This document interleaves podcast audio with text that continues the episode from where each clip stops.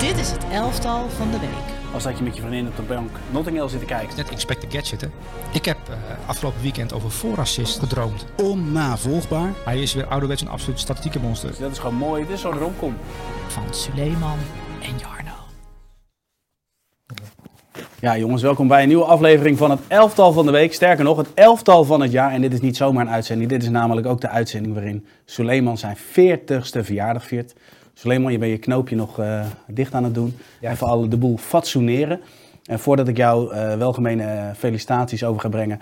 Uh, er staan geen microfoons, want mensen misten jouw gezicht.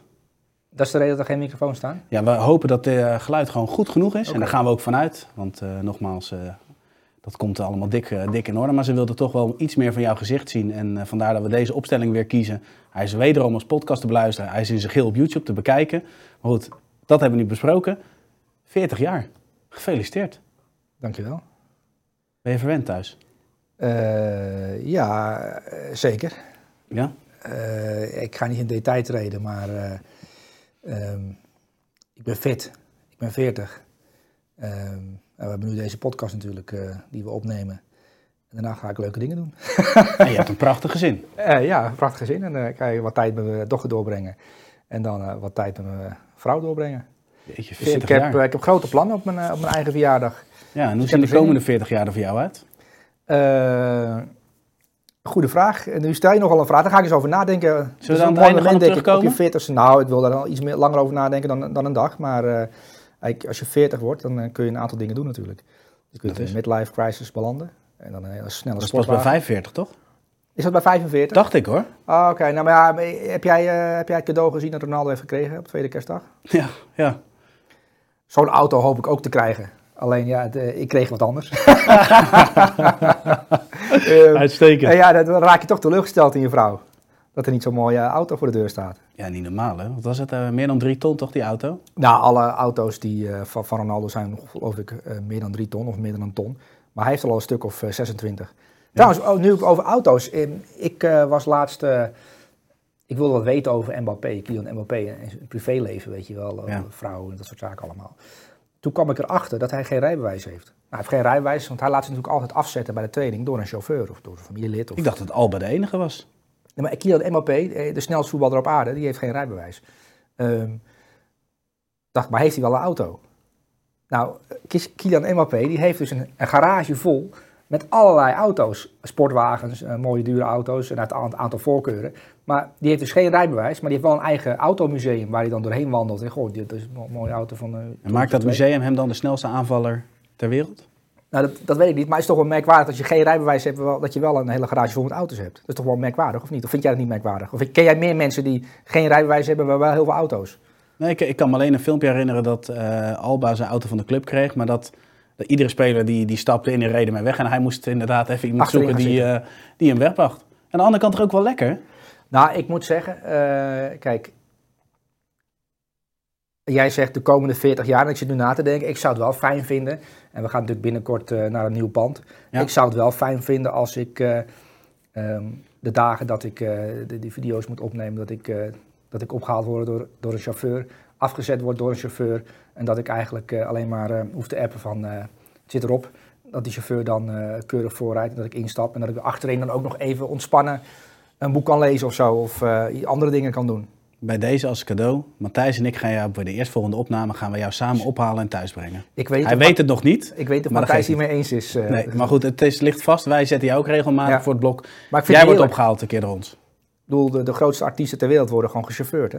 Dat klopt, ja. Dus ja, waarom ik niet? Ja, maar de grootste artiesten die komen ook niet verder dan 27 jaar. En dat heb jij toch mooi bereikt. Dat is wel waar, ja. Ja, toch? Ja, hey, zullen we naar het elftal van het jaar gaan? Want nogmaals, ja, daar zitten we hier natuurlijk voor. En een elftal van het jaar, het is niet zo eenvoudig. Want je praat altijd over een week, over een moment, over een midweek, over Champions League, over een WK, een seizoen.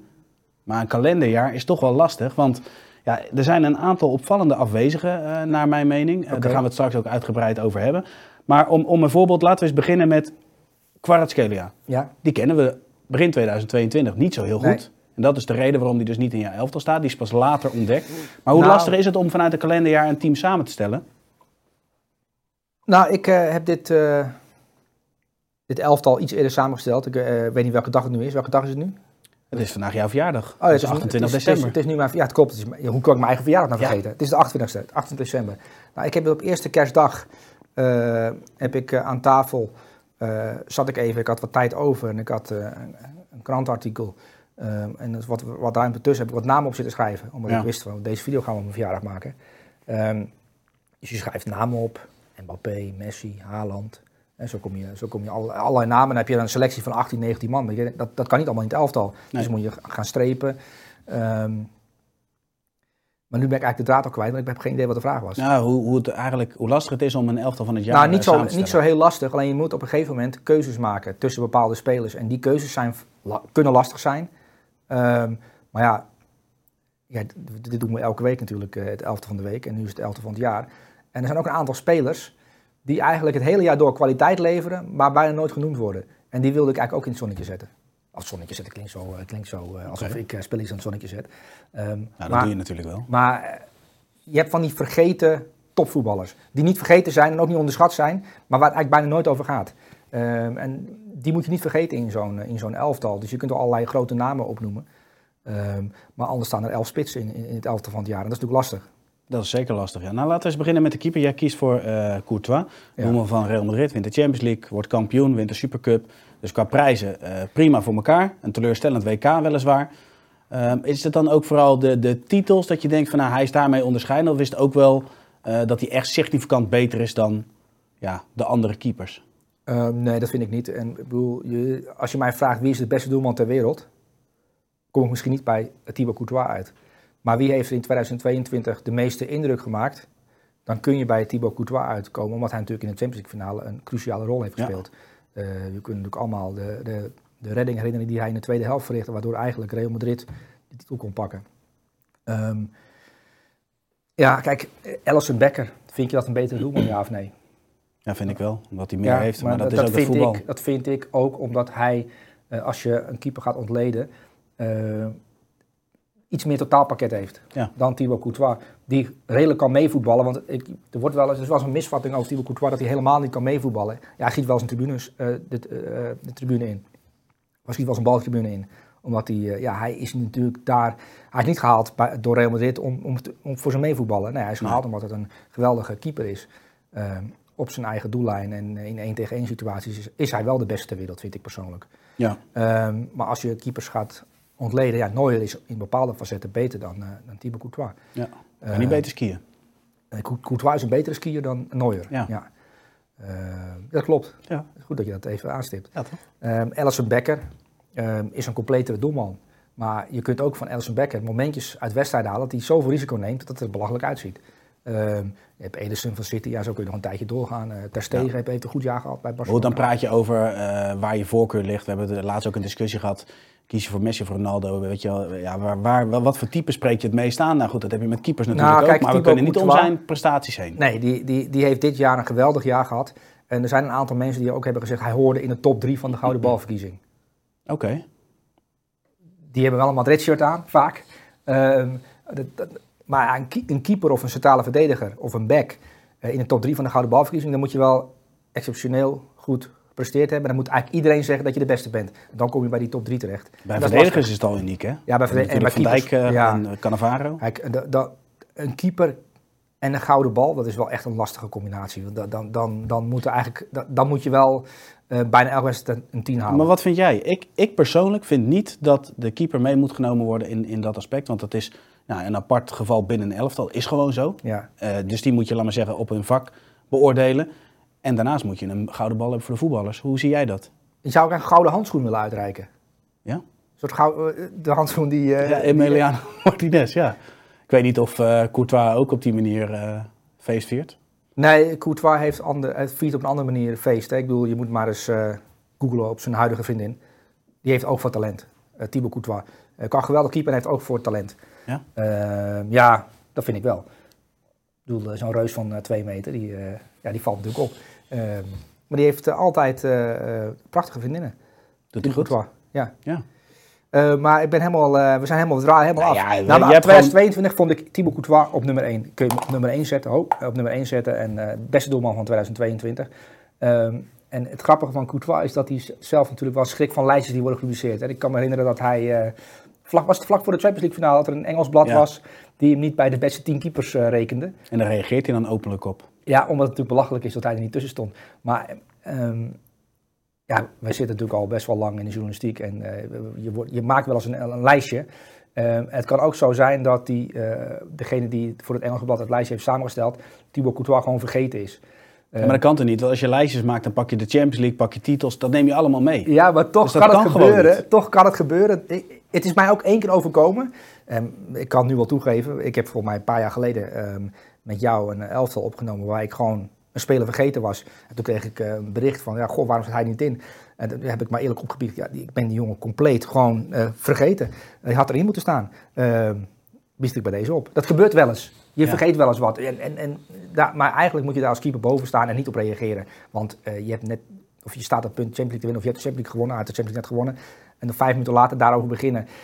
Eh, je probeert je gelijk te halen. Ja, je hebt je gelijk al gehaald, want je hebt de Champions League eh, gewonnen. Precies. En je bent, eh, je bent gewoon de beste doelman ter wereld. Dit jaar zeker. Ja, maar ik kan me niet voorstellen dat jij een speler vergeet. Ik bedoel, je, je hebt altijd van die zekerheidjes. Noem een gouden balwinnaar. Zo, weet je wel? Ja, Maar goed, ehm, kom- ja ik, ik, ik proef iets. ja, precies. Ehm, nou ja, Courtois, dan gaan we door naar de defensie. Of wil je cijfers geven? Eh, ja, Normaal eh, gesproken doen wij Ja, dat. dat vind ik leuk, want we- ik, eh, ik hou natuurlijk altijd de Newcastle Chronicle bij, zoals je weet. Zeker. alle cijfers noteer ik ook altijd. Ehm, Newcastle heeft gewonnen bij Leicester City een paar da- of twee dagen geleden. Eh het cijfer Bruno Gomarijs, wat denk je? Een team. Een 10. Dat is prachtig. Ja, terecht ook. Hij krijgt gewoon eh, voor de achtste keer dit, dit jaar een 10 van, eh, van eh, Lee Ryder. Lee Ryder. Lee Ryder, Ja, die schrijft de stukjes voor de Chronicle. Maar het is toch mooi dat je dat, de behoefte voelt om op je verjaardag de Google eh, aan te zetten, Newcastle Chronicle, en even naar de cijfers te kijken van eh, Newcastle, Leicester City. En dat je dan gewoon dat je blij wordt van een 10 voor Bruno Guimaraes. Ja, maar dat onderscheidt jou van alle andere collega's. Hè? Maar wat voor cijfer geef jij dan aan Courtois? Want ik bedoel, nogmaals, eh, nou, een 9. een 9. Oké. Zullen we de verdediging erbij pakken en beginnen met eh Cancelo? Ja, João Cancelo, ja. Ja, daar hebben we natuurlijk, eh, die heeft wel regelmatig in het elftal van de week gestaan. Vaak eh, valt hij dan op met bepaalde pases, eh, met zijn spel aan de bal. Waar je een verdediger normaal gesproken beoordeelt op zijn verdedigende kwaliteiten. Eh, als je nou het hele kalenderjaar erbij pakt, is dan ook vooral ja, zijn spel aan de bal wat voor jou doorslaggevend is om hem in het elftal te zetten. Want je had bijvoorbeeld ook voor Hakimi kunnen kiezen. Het zijn best wel, even om een voorbeeld, het zijn lastige keuzes. Ja, het zijn heel lastige keuzes. En ik, had- ik had natuurlijk voor Hakimi kunnen kiezen. vanwege- Het WK is natuurlijk een belangrijk onderdeel van 2022 geweest. Het belangrijkste onderdeel van 2022. Ehm, maar kijk, we maken natuurlijk een heel jaar door het elf van de week. We kijken een heel jaar door naar de beste elftallen ter wereld. En dat zijn City, Liverpool, Bayern München, Real Madrid. Dat zijn de beste elftallen. Ja. En, en, en ja, ik heb gekozen voor constante kwaliteit eigenlijk. Dus eh, spelers die bijna om de drie, vier dagen een topprestatie leveren. En je je afvraagt van, oké, die verandering die João Cancelo heeft doorgemaakt is geweldig geweest. Daar hebben we het natuurlijk Ja. een aantal keer over gehad. Je kan hem op links en rechts neerzetten. Ehm, en wat ik interessant vind, en dan komen we ook bij een andere speler uit straks, een Belg toevallig. Ehm, maar City is natuurlijk een bepaald bouwwerk waarin iedereen een bepaalde functie heeft. En João Cancelo op het WK eh, op een gegeven moment gewoon niet meer in de basis. Ehm, ik denk dat spelers van City, zodra die in een andere elftal terechtkomen, dat minder goed, wat een minder goed bouwwerk is, een minder Ja. perfect bouwwerk, dat je denkt, god, galmt die nogal? Want Het galmt bij ons helemaal niet. Ehm, alle, alle doorgangjes komen uit op een andere, op een andere deur, weet je. Want het is, dit is doodlopend. Hoe kan het nou? Dit gebouw heeft allemaal doodlopende eh, halletjes. Maar dat, bij, bij ons is dat helemaal niet zo. Nou, als je dan het ene trappetje neemt, kom je bij het andere trappetje uit en dan kun je zo naar boven. Maar Je dat wil kan dus eigenlijk zeggen dat iedere speler die City verlaat in een soort van escape room terechtkomt of zo. Nou, dan denk ik, goh, maar waarom krijg ik de bal nu twee meter voor me uitgespeeld en niet, en niet, en niet twee meter achter? Want dan kan ik terugdraaien en dan kan ik zo spelen. Maar wa- waarom is het dan? En ik heb toch het idee dat João Cancelo binnen City zich heerlijk voelt en met buitenkant rechts vanaf de linkerkant heerlijk die ballen kan geven op bijvoorbeeld Haaland of aan de rechtsbuiten of de linksbuiten. En als hij op rechts staat, heeft hij een bepaalde functie. Dan komt hij graag het middenveld in en is hij een extra middenvelder. En eh, dan is hij een creatieve middenvelder. Eh, en ja, als je hem week in week uit ziet presteren, en, en, en, en ja, jij ziet hem ook week in week uit presteren. En we hebben het regelmatig, Zeker. als Cancelo is het regelmatig in het elftal of tegen het elftal aan. Ehm, ja, we hebben het zo vaak over João Cancelo gehad. En we hebben het niet zo heel vaak over Ashraf Hakimi gehad. nee, ehm, klopt. En ook omdat Ashraf Hakimi ehm, bij Paris Saint-Germain te maken heeft met... Ja, het is toch daar, de hiërarchie is toch Neymar, Messi, Mbappé. En Hakimi doet ook mee. Dat rijmt. Ehm, ja, hij doet mee. Ja. Maar is hij, eh, haalt hij het volledige potentieel uit zichzelf? Niet. Ik denk dat als je Hakimi eh, overzet naar City en hij gaat daar op een gegeven moment... Want ik denk dat Hakimi een veel betere voetballer is dan we met z'n allen misschien wel denken. Want je denkt aan snelheid. Nou ja, dat, dat zie je op het WK ook. Ik zag je dat ook heel duidelijk ik terug. vond hem technisch echt eh, geweldig. Maar ook eh, niet alleen technisch dat je denkt van oké, hij heeft een bepaalde basis, basistechniek, maar ook bepaalde basis wel spelen en bepaalde basis niet spelen. Dus keuzes maken in, in de passing. En waar hij op ook, het veld terechtkomt. ja, en, waar je hij toch weer City denken. Hij zat ook Ja. vaak aan de binnenkant, naast Amrabat. Ja, dus het is wel een speler, waar, waar zit eigenlijk veel meer in dan er nu uitkomt bij Paris Saint-Germain. Want daar is hij toch een soort van hulpje aan de rechterkant. En eh, het is leuk dat hij meedoet en het is een grote Ja. naam, hij is voor veel geld gehaald. Maar het gaat toch om iets anders daar, om die drie voorin. Eh, en ik denk ook dat Hakimi dat toch ook wel voelt, van oké, iets houdt me hier tegen. Ehm, en, ik heb daarom voor João Cancelo gekozen, want die, die, eh, ja, die, heb ik al, die heeft echt heel veel goede wedstrijden spelen dit Ja. jaar ook. Maar vooral die transformatie waar we het eerder over gehad hebben, is niet normaal. Wat Bij Juventus toch, ja, ja, we hadden in eerste instantie ook van, ja, wat moet hij bij City? En als je dan ziet Ja. dat hij allemaal aan zijn spel heeft toegevoegd, Ja. dat is heel maar wel bijzonder. bijzonder om te zien dat hij dan bij Portugal, en het kan ook zijn dat eh, gedrag niet oké was in het trainingskamp en dat hij te veel eh, richting Ronaldo eh, trok. Dat zou kunnen. Dat is op een gegeven moment, eh, maar hij is natuurlijk daar eh, gepasseerd. Het wel apart hoor, dat je, dat je zo goed bent ehm, en aan allebei de kanten kan spelen. En dat de bondscoach op een gegeven moment toch besluit om, om, om iets anders, Dalot natuurlijk, daar neer te zetten. Ja. Als je Dalot vergelijkt met João Cancelo. eh, Ja, en 100%. heeft wel onder Ten Hag een ontwikkeling doorgemaakt. Hè, want dat is nu een betrouwbare rechtsback die ook dingen doet die je niet eerder hebt zien doen. En die dat ook redelijk snel oppikt. Dus Dalot eh, heeft ook zijn plek verdiend aan die Ja, rechterkant. maar misschien is Cancelo bij Portugal wel wat Hakimi in mindere mate is bij PSG. Dat zou kunnen, ja. Ja. Ja. Maar goed, jij hebt voor Cancelo gekozen. Eh, wat voor Vond jij dat een verrassende keuze of niet? Nee, helemaal niet. Maar ik vind het juist wel eens interessant van... Het, het, kijk, het elftal die staat is een topteam. Ja, en ik heb 100%. ook top van Alleen- de top, hè. Want ja, ja, Kvaratskhelia, dat zou zomaar kunnen dat hij in een andere elftal staat. Ja. Want ik, ik heb twee elftallen gemaakt. En dat komt natuurlijk over een Dat is waar. De revelaties. de revelaties. En ik vind Kvaratskhelia een verschijning. En, en, en revelaties, en dat, dat zal ik dan eh, in een andere video uitleggen. Ja. Eh, maar die is als topvoetballer dit jaar eigenlijk op het toneel gestapt. Ik, ik ben een topvoetballer. En dat is een beetje het elftal van revelaties. En daar staat hij misschien in. Misschien wel goed dat je dit aanstipt. Want ehm, ik, ik heb toch altijd de neiging, en dat zal je denk ik ook hebben. Stel dat je een, een elftal van L'Equipe ziet. Ja. En dan denk je van, oh, ik mis die. Dan ga je toch zoeken wie, tussen wie zou je nog kiezen, weet je. Nou, ja, Ja. We gaan straks ook bijvoorbeeld eh, eh, ja, de linksback gaan bespreken. Nou, dat was ook een andere suggestie voor. Dus Oké. je, hebt, je hebt genoeg opties, laat maar zeggen. Ja. Maar dat doet niets af aan het feit dat dit gewoon een goed elftal is. Alleen, ja, de opties zijn... eh, Nou, ik ben benieuwd met wie, welke opties jou allemaal komt. Want gaan we zo komen. Maar eerste cijfer voor Cancelo. een 9. Een 9. Oké, dan gaan we naar de volgende. Dat is Marquinhos. Ja. Ehm, wat is de voornaamste reden dat je voor hem hebt gekozen? Nou, het gaat nooit over Marquinhos. Het gaat, nooit, het gaat soms wel over Hakimi trouwens. Het gaat, wel, het gaat Ja. wel eens over Hakimi, omdat hij natuurlijk wel scoort en assist geeft. En omdat hij ook wel eens eh, in beeld verschijnt. Ja. Ehm, maar Marquinhos heeft echt een hoog niveau gehaald bij Paris Saint-Germain. Is daar een leider.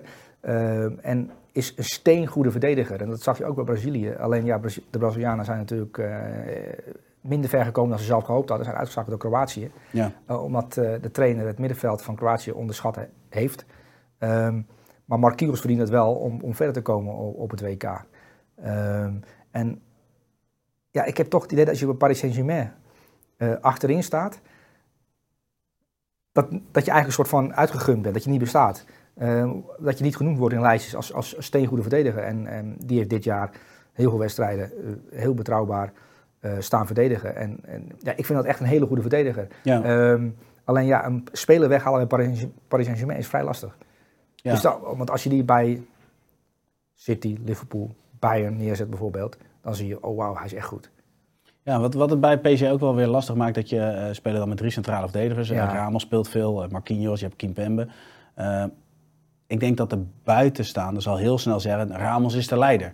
Maar dat is hij wel degelijk. Ja, dat is hij, ja. ja. Ja, dus hij is echt heel goed. Alleen, uh, om, om, om, voordat je het over hem gaat hebben, moet je het eerst over Messi hebben gehad. Dan moet je het daarna over Mbappé hebben gehad. Je moet het over Neymar hebben gehad. Ja, maar sterker nog, jij kiest nog eerder voor Vitinha. Die heeft ook ja, maar je moet het over Vitinha hebben, ja. omdat uh, Paris Saint-Germain valt aan. En als zij een goal tegenkrijgen, is dat omdat ze te aanvallend uh, stonden. En omdat in de counter zijn, uh, Marquinhos dan niet zonder op te letten, zogenaamd. Um, dus het is wel ook wel echt, dus echt extreem moeilijk om bij Paris Saint-Germain als verdediger... Um, uit te blinken. Want wanneer sta je nou echt goed te verdedigen?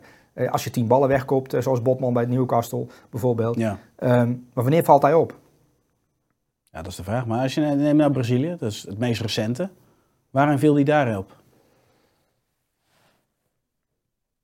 Ja, viel hij mij ook niet zozeer op, omdat het ook een elftal was wat zeer gericht was op, eh, op aanvallen natuurlijk. Ja. Maar hij is wel iemand die eh, altijd goed staat, die vooruit denkt in po- positionele zin, die aan de bal vrij goed is, of zeer goed is zelfs. Ja, maar jij Eh, zegt dat. Onderschat jij niet, eh, neem Brazilië, het middenveld, Paqueta en Neymar. Ja. Daarvan heb je duidelijk gezegd, dat kan niet.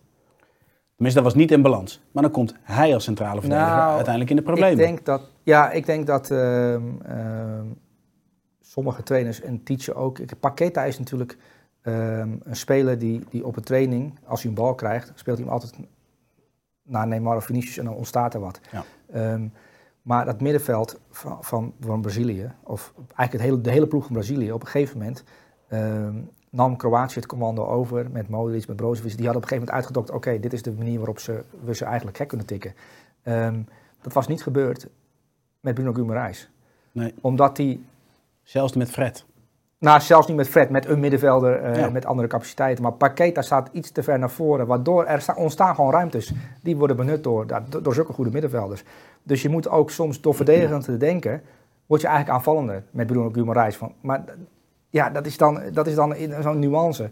Ehm, ja, maar goed, we hadden het over Marquinhos. Ja, maar vind, ben je het met me eens of, of vind je het lastig om naar hem te kijken omdat hij Nee, bij nee, Paris nee. Saint-Germain Ik, speelt? ik, vind het, ik vind het echt een hele goede speler. En het is ook... ehm, eh, ook Maar dat is voor- zo'n kracht die eigenlijk onderschat wordt. Je, je, je kunt allerlei middenveld of allerlei verde- centrale verdedigers opnoemen eh, die je goed vindt, omdat die bij de top spelen bijvoorbeeld. eh, eh, maar noem nou eens de beste drie centrale verdedigers ter wereld op. De beste drie Kijk, centrale Alaba verdedigers. en Militao vallen op omdat zij natuurlijk de Champions League winnen. Dus ze spelen bij de Champions League winnen. Dat worden al automatisch genoemd in, in, in, in een rijtje met beste verdedigers. Ehm, maar ik denk dat Marquinhos beter is dan Militao. hem- Ja, maar ik, ik vind hem wel lastig. Want neem naar Frankrijk. Varane en, en Upamecano. Fenomenaal. Die vind ik echt allebei fenomenaal. Ja. Van Dijk in vorm is fenomenaal. Ehm, ja, ga nog, ga nog eens door. Ja, dan kom je bij Marquinhos inderdaad uit. En, en ja, ik vind hem wel lastig om echt de allerbeste eruit te halen. Ja, dat is een hele, daar kun je een hele studie naar verrichten. Ja, Maar hij beheerst wel, la- laten we alles eens pakken. Hij is niet de grootste, maar in de lucht is hij heel sterk. Hij is heel goed aan de bal. Hij is snel, hij kan goed sturen. Hij is, ja, in de opbouw maakt hij geen fouten. Dus En hij is het heel nog- veelzijdig. hij is ook nog een leider.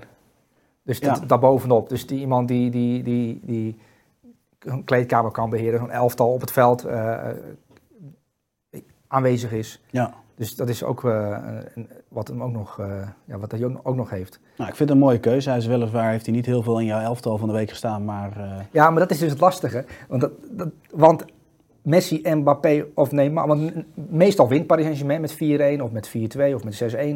En je kunt natuurlijk niet Marquinhos nemen als Mbappé de drie heeft gemaakt. Je kunt Marquinhos niet nemen als Messi drie assists heeft gegeven. Je kunt Marquinhos niet nemen ehm, als Neymar eh, een belachelijk goede wedstrijd heeft gespeeld. Dus hij speelt in een elftal waarin hij eigenlijk altijd op plek 5, 6 komt eh, qua prestaties. Omdat het gaat over aanvallen daar. Je kunt hem moeilijk beoordelen als verdediger.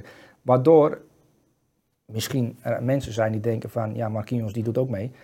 Ehm, maar als je hem dan uit die context van Paris Saint-Germain haalt... en zet hem bij Chelsea neer op de plek van Thiago Silva... dan zal je zien dat dat Chelsea enorm goed zal doen. En eh, ja, dat, dat is, vind ik dan soms wel jammer. Ik denk, ja, het is eigenlijk wel jammer dat hij bij, bij, bij, nu bij Paris Saint-Germain speelt. Maar ja, Paris Saint-Germain geeft hem wel een goede kans op winnen van de Champions League. Op kampioen worden. Die verdient het ook lekker. Dus, eh, maar het is natuurlijk niet... eh, je, kijkt, je zet de tv natuurlijk niet aan om naar Marquinhos te gaan kijken Paris Saint-Germain. Nee, je zet hem aan omdat je Mbappé wil zien schitteren. Je wil Messi zien, je wil, je wil Neymar zien. Desnoods wil je Vitinha zien. Of Renato Sanchez of Hakimi. zeker. Ja. Zo kun je nog een aantal spelers opnoemen. helemaal eens. Maar goed, jij hebt voor Marquinhos gekozen. Eh, ik vind het uiteindelijk ook wel terecht. Wat voor cijfer geef je? Een 9. Een 9. Dan gaan we door naar de volgende. Dat vind ik wel een interessante. Oh. Eh, Alaba wint veel prijzen met Real Madrid. Toch had ik verwacht dat je voor Theo Hernandez eh, zou kiezen. Meer om het feit dat hij natuurlijk een aantal keer in jouw elftal heeft gestaan. Hij is kampioen geworden, eh, onderscheidt zich met zijn manier van, eh, van spelen. Ja. Eh, ook op het WK heeft hij een Ja. goede indruk achtergelaten. Dus ik dacht eigenlijk, dat is wel een zekerheidje. Waarom kies je toch voor Alaba? Nou, vraag, hè? Vind ik, nee, vind ik een hele te- terechte vraag. En, en, en, en misschien heb je ook nog wel eens... kijk, je ha- ik had ook Theo Hernandez kunnen kiezen. Sterker nog, misschien had ik hem wel moeten kiezen. misschien heb je wel gelijk. En, en had ik Theo Hernandez moeten kiezen. Ehm, maar ik denk toch dat ehm, je niet moet onderschatten hoe, hoe belangrijk Alaba is voor een defensie die eh, twee spelers is kwijtgeraakt. Die daar eh, tien jaar lang achterin hebben gestaan. Ehm, Alaba die eh, is overgenomen, in, natuurlijk een jaar geleden al. of anderhalf jaar geleden al. maar ze winnen dan de Champions League. Benzema krijgt daar de gouden bal voor. Ja. maar de rol van Alaba in combinatie met Militao en die links en rechtsback. En dat middenveld dat natuurlijk uh, ouder aan het worden is. Ik denk dat je uh, dat, dat, niet kan onderschatten. Um, en ook de Champions League winst speelt daarin mee. Nou, hij heeft natuurlijk geen WK gespeeld, dus daar hebben we hem niet kunnen zien. Maar dat is wel een, uh, een, een, een, een verdediger die ook heel veelzijdig is. En die, die, ook een mooie ontwikkeling door. Ja, die van linksback, in de nationale ploeg zelfs als tien, creatief. Ja. Dus die, die is, dat is wel een, een speler die op veel posities uit de voeten kan. En achterin uh, voor, voetbal, uh, voor voetbal van achteruit zorgen. Wat Courtois niet heeft, heeft Alaba wel extra. Ja, absoluut. En zeker na het vertrek van Casemiro is maar de ik druk vind alleen maar groter geworden. Ik vind, sorry? Na het vertrek van Casemiro is de druk op Alaba en dat op zich ook alleen maar groter geworden natuurlijk. Daarom, ja, precies. En uh, Tchouameni is natuurlijk wel erbij gekomen en vanaf het begin direct goed. en die, zorgt, die haalt wel heel veel weg voor zijn centrale verdedigers, omdat hij natuurlijk uh, positioneel vooruit kan denken. En ja. daar gaat het gevaar ontstaan. Bam, balverovering. Uh, dat zorgt er ook voor dat Alaba zich kan richten op uh, waar hij goed in is. Ja, en dan bijvoorbeeld doorschu doorschuiven, voor achteruit meevoetballen. en die hoeft minder vaak in duels te komen, want dat is natuurlijk zijn nou, zwakke punt, wil ik niet zeggen, want daar is ook vrij goed in. Uh, ja, maar slimmigheid, punt. Maar Militao is de, de, degene die er achterin de duels uitvecht. Ja, absoluut. Maar goed, um, um, we hebben het net over Theo Hernandez. Is, dat, is dit misschien ook wel de lastige keuze die je hebt moeten maken in het elftal? Of zijn er lastige keuzes? Nee, het zijn lastige keuzes geweest. Maar uh, Theo Hernandez vind ik wel interessant. Want de bondscoach van Frankrijk, die kiest voor zijn broer, Lucas Hernandez. Uh, Lucas Hernandez is geblesseerd geweest. Ja. Uh, bij Bayern München. die, die start ook het WK voor Frankrijk tegen, tegen Australië. Bestond hij in de basis als linksback. Terwijl hij eigenlijk een centrale verdediger is. Ja, maar jij weet toch waarom hij dat doet? Ik weet hij gaat gewoon altijd voor zekerheid. En dat is eigenlijk, als je nou kijkt van we hebben er talloze video's over opgenomen. Frankrijk was de gedoodverfde favoriet. Frankrijk, daar zou je eigenlijk niet van kunnen winnen. Maar als je, als je dat materiaal hebt en je speelt zo ja, behoudend, defensief, op zekerheid. Daarmee hebben ze eigenlijk het, uh, de voetballiefhebbers hebben ze tekort. Ja, als je zo'n team hebt, heb je de voetballiefhebbers echt tekort gedaan. Wa waarvan akte? Ja, dat, Heb jij, dat, dat, mag jij vinden. En dat is ook zo. Maar dat, is, dat legt wel uit waarom hij niet kiest voor Theo Hernandez. Want dat is een aanvallend ingestelde. Ja, maar kijk, Theo Hernandez uh, en samen met Leao. Dus als je, als je over linkerkanten hebt. Uh, die spelen nu allebei bij AC Milan. En allebei hebben ze eigenlijk wel laten zien dat ze nog een niveau hoger kunnen. Alleen voor Theo en Rafael Leao geldt eigenlijk allebei hetzelfde. Um, dat zijn spelers die soms dingen doen waarvan een trainer niet wil dat ze ze doen. Dus ik denk, ja, je, je hoeft niet zeven keer per, per helft over de middenlijn te komen. Want we staan, we staan bijvoorbeeld nu 2-0 voor, het is minuut 70. Theo, rustig aan. We spelen over drie dagen weer. Ja. Uh, maar Theo die, uh, die wil dan uh, graag de brommer aan. En die wil op avontuur. Die heeft er zin in. Het zonnetje schijnt, vriendin zit achterop. Scooteren. En Leao is ook zo'n... Ik vind het mooi. Ik, zie, ik zit te kijken, gewoon op zijn Ja, we kregen gewoon een beeld. Dat ja. je gewoon, nee, Lekker een vestpaadje met ja, vrouw. Ik zie dat zo voor me, ja. Dat, Die heeft plezier in, in, in over middenlijn heen komen. En Leao is ook zo'n speler, die dribbelt graag. En, en, en, en die gaat graag op avontuur. Maar soms moet je gewoon die bal voorgeven en randhalend naar binnen. Ja, dat is waar. In plaats van dat iemand op avontuur gaat omdat hij zin heeft om te dribbelen, omdat het zo lekker is, weet je wel. Weet je, en, ja, dat zijn van, da, daarom blijven die spelers best lang hangen bij die clubs. Omdat het toch, daarom kijken wij graag naar dat soort clubs. En daarom kijken wij graag naar AC Milan, omdat jij dan uh, in minuut 70 uh, een, een, geweldige dribbel van uh, Rafael Leao krijgt voorgeschoten. En dan zie je ondertussen Theo en Anders woem door het beeld schuiven. Heerlijk. Eens. Maar goed, je hebt gekozen voor allemaal. jij bent trainer. dus jij zou dat moeten waarderen, zo'n zo'n keuze voor Lucas Hernandez. Of ben jij een nou, aanvallende trainer? Ben jij een aanvallende trainer? Ja, maar het kan toch allebei, het kan toch beide? Je kunt toch gewoon, je moet, je moet wel, nou laat ik het zo zeggen, je moet een speler niet beperken in wat hij kan. Toch? En dan is dat als trainer kun je daar toch een andere oplossing voor vinden. Als je nou zo linksback hebt, dan kun je als Deschamps toch, laat maar zeggen, de boel zo organiseren dat als hij weer gaat, dat de restverdediging, zo zeg je dat dan zo mooi, dat het gewoon goed staat. Het kan toch, het kan toch allebei? Je kan toch en avontuurlijk en aanvallend zijn. En daarnaast ook gewoon je zaken achterin goed op orde hebben. Het is niet zo, kijk, het is niet zoals Manchester United onder Solskjaer dat ze op een gegeven moment, eh, weet je dat nog? Met Ja, dat weet ik nog. die ja. restverdediging op de 16 van de tegenpartij en dat, dat alles open lag. Basatje hieruit. Zo, Tien man voor de bal. dat is echt niet normaal hè. Dat is echt niet normaal. ja, maar dat is een, ja, dat is een fout. Ja, maar als je dat beeld ziet, dan zou je eigenlijk gewoon zijn hele trainerslicentie af moeten pakken. Of gaat dat te ver? Dat vind ik wel ver gaan. Alleen, eh, ja, dat is een heel ander onderwerp. Maar eh Ole Gunnar Solskjaer, die heeft al zijn wedstrijden eh, uit zijn United-periode, althans dat, weet niet of het een eh, hoax is of net nieuws, of tegenwoordig veel, veel, veel fake nieuws, ik heb het niet gecheckt. Ehm, maar daar las ik van dat hij al zijn wedstrijden die hij trainer was van United heeft teruggekeken. Maar dan ben je een behoorlijke poos bezig. Nou, en dan denk Om te leren van de heel- fouten. Daar heeft hij wel veel fouten eh, moeten herstellen, want dan heb je wel Ja. veel fouten gezien. Ik geloof niet dat hij dan met een glimlach aan het kerstontbijt gezeten heeft. Nou, Als je terugziet. volgens mij is Ole Gunnar Solskjaer wel een opgeruimde, opgeruimde Noor. Dus die, wat hij wel, wel, wel prettig aan het kerstontbijt heeft gezet. Nou, dat hoop ik althans, ja, toch? ja. Eh, jij hebt voor allebei gekozen. Moet er wel even een cijfertje geven, Sully. Wat voor cijfer krijg je? Theo Hernandez En een anders? 9. Theo Ja. Hernandez een 9. En David Alaba ook een 9. Uitstekend. Hey, dan gaan we door. Ik denk dat ook heel veel mensen nu eh, gaan reageren en, en eh, jou gelijk gaan geven dat Theo Hernandez erin had gemoeten. Dus krijg- Jouw pleidooi voor Theo Hernandez was goed. Ja, maar toch, ik, ik merk toch wel in de video's ja, dat ik zelden gelijk krijg als ik met jou aan tafel zit. Dat klopt. Maar bij Ja. deze geef ik jou gelijk. En ik denk dat heel veel mensen jou ook gelijk geven. Nou, ik hoop van niet. Maar eh,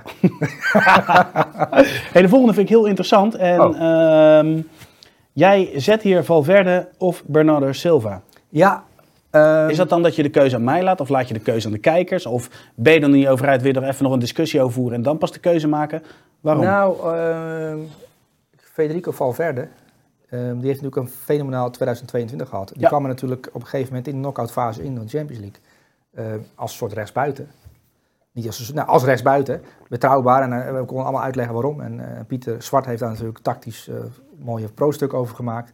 Hoe dat dan werkte. En dat, dat, dat Ancelotti ook een tactische trainer is, omdat hij Valverde daar rechtsbuiten zet. Alleen die jongen die, die zit al best wel een lange periode bij Real Madrid. Ehm, daar iedereen vindt van, ja, dat is echt een geweldig talent. Alleen hij moet de volgende stap zetten in zijn kop. Ja. Ehm, die maakt hij in 2022, want hij is toegetreden tot een, een, een, een rijtje middenvelders waarvan je zegt, ja, dat zijn de beste middenvelders ter wereld. Daar hoort hij, vind ik, en heel veel anderen vinden dat ook, daar hoort hij bij op dit moment. Ehm, bij Real Madrid op dat niveau, in, in zulke grote wedstrijden, zo betrouwbaar zijn, defensief en aanvallend ook nog je bijdrage leveren. Ja, dan ben je een topmiddenvelder. Maar Bernardo Silva, die speelt in een van de beste ploegen ter wereld. En die levert om de vier, vijf dagen speelt die ploeg waanzinnig voetbal. En ze verliezen soms. En ze winnen de Champions League weer niet. Eh, waardoor het minder over Bernardo Silva gaat en meer over Federico Valverde. Maar als je kijkt naar Bernardo Silva, en wij hebben het een aantal keer over Bernardo Silva gehad, maar een aantal keer ook niet, omdat ja, er is altijd wel een ander die. Haaland, als Haaland de drie maakt, gaat het niet over Bernardo Silva. Dan gaat het over Haaland. Ehm, maar eigenlijk speelt Bernardo Silva betere wedstrijden dan Erling Haaland maakt doelpunten. Bernardo Silva maakt het mogelijk dat, dat Haaland de doelpunten kan maken. Alleen, eh, ja, voetbal wordt nou eenmaal zo beleefd dat de doelpunten maken altijd eh, eh, de awards krijgt en, en, en, de complimenten. Ja, maar Maar Bernardo ook- Silva haalt zo'n ongelooflijk hoog niveau. Ook omdat hij tijdens een wedstrijd ineens een extra opbouwer kan worden. Omdat City op een andere manier moet aanvallen, omdat de tegenstander op een bepaalde manier druk zet. En hij is dan de speler die dat kan veranderen. En, en waardoor City eh, bijvoorbeeld via Rodri en Bernardo Silva twee opties heeft, waardoor de tegenstander Ja. een andere manier moet drukken. Weet je, dat soort dingen zie je allemaal als je wedstrijd, voetbal, voetbalwedstrijden kijkt. Ja, maar mijn vraag is, ja, waar, waar ga je dan voor kiezen? Want jij gaf eh, zelf aan dat in een eerdere aflevering dat Valverde eh, misschien wel volgens Mourinho wordt gezien als de beste speler ter wereld, omdat je daar tactisch alle kanten mee op kan. Dat is een uitspraak van jou zelf geweest. Oh, dat ben ik wel vergeten. Maar maar dat was een hele goede uitspraak. Maar omdat hij dus tactisch heel variabel is en dat je als trainer ideale speler. Ja. Kies jij nu in je elftal voor een speler die ideaal is als trainer? Want hij is, speelde inderdaad als rechtsbuiten, maar was, werd dan vaak een extra middenvelder in balbezit en ook nog eens een keer verdedigend. heb je gewoon een extra Ja. eh, man die verdedigende arbeid verricht. Of kies je voor een speler die het spel naar zich toe trekt. Ik bedoel, je hebt een heel creatief Manchester City. Ja. Maar het is wel duidelijk dat Bernardo Silva uiteindelijk het spel echt naar zich toe trekt. Nou, je hebt ook te maken met, ja, je hebt ook te maken met, eh, kijk, je, je moet een aantal criteria, eh, dus vorm, kwaliteit, klasse, maar ook prijzen. Ehm Real Madrid heeft natuurlijk wel iets gepresteerd in 2022 en, en, en hij is ook bij Uruguay belangrijk geweest. En Uruguay heeft het op het WK natuurlijk eh, laten liggen in de groepsfase door een doelpunt te weinig te maken. Ehm, waar hij natuurlijk ook eh, schuldig aan is. Mhm. Ehm, maar ik vind dat hij de stap die hij in, in 2022 heeft gezet, ehm, maar ook hoe belangrijk hij was in die knock-out fase van de Champions League. en hoe hij nu beoordeeld wordt, want het is een middenveld die 100 miljoen- meer dan 100 miljoen euro waard is. En Ja. die, die die uh, Klop heel graag zou willen toevoegen natuurlijk aan zijn, aan zijn ploeg. Um, omdat je hem en rechts buiten kan neerzetten. Maar dat zal hij niet komen, dat speelt Sala. Maar je kan hem wel op de plek van Henderson bijvoorbeeld neerzetten. Um, en hij heeft ook nog uh, iemand... Zou een enorme upgrade zijn. Zou je dat... Een, ja, nou, nou, dat, dat zegt eigenlijk al best wel veel. Want um, bij City en Liverpool en Bayern München... middenvelders toevoegen die een enorme upgrade zijn... dat is wel lastig. Want dat, zijn, er, ja. zijn er maar drie of vier. Misschien drie. Ja. Nee, helemaal eens. Dus um, ik kies voor uh, Valverde ook omdat hij met Real de Champions League heeft gewonnen. Uh, maar Bernardo Silva, uh, en zo zijn er nog een aantal spelers. dat, zijn, dat zijn jongens die, ja, die echt een belachelijk hoog niveau halen. En als je ziet ook aan dat meters die hij aflegt, ook slimme meters. je, je, kunt, je hebt spelers die heel veel meters afleggen. Ehm, maar je kunt ook heel veel meters afleggen en dan zijn een, een groot percentage is slim. Ja. Dat wordt eigenlijk natuurlijk nooit ja, dat, dat, moet je dan vastleggen. Maar wie legt het vast? Het aantal slimme meters. Dat zou ik een geweldige statistiek vinden. Het aantal slimme meters van een voetballer. Ja. Als je nou ver, gaat vergelijken, en jij, jij, noemt dan net uh, Liverpool.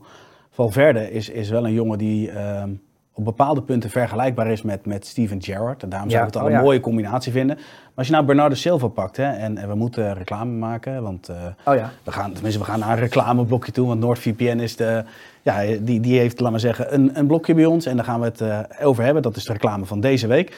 Maar ik kwam laatst op een of andere vage stream, kwam ik Morutan kwam ik tegen. Ja. Een aanvallende middenvelder van Pisa. En die deed mij een beetje denken in zijn loopjes, zijn passing, uh, van buiten naar binnen, dan die vallende bal spelen.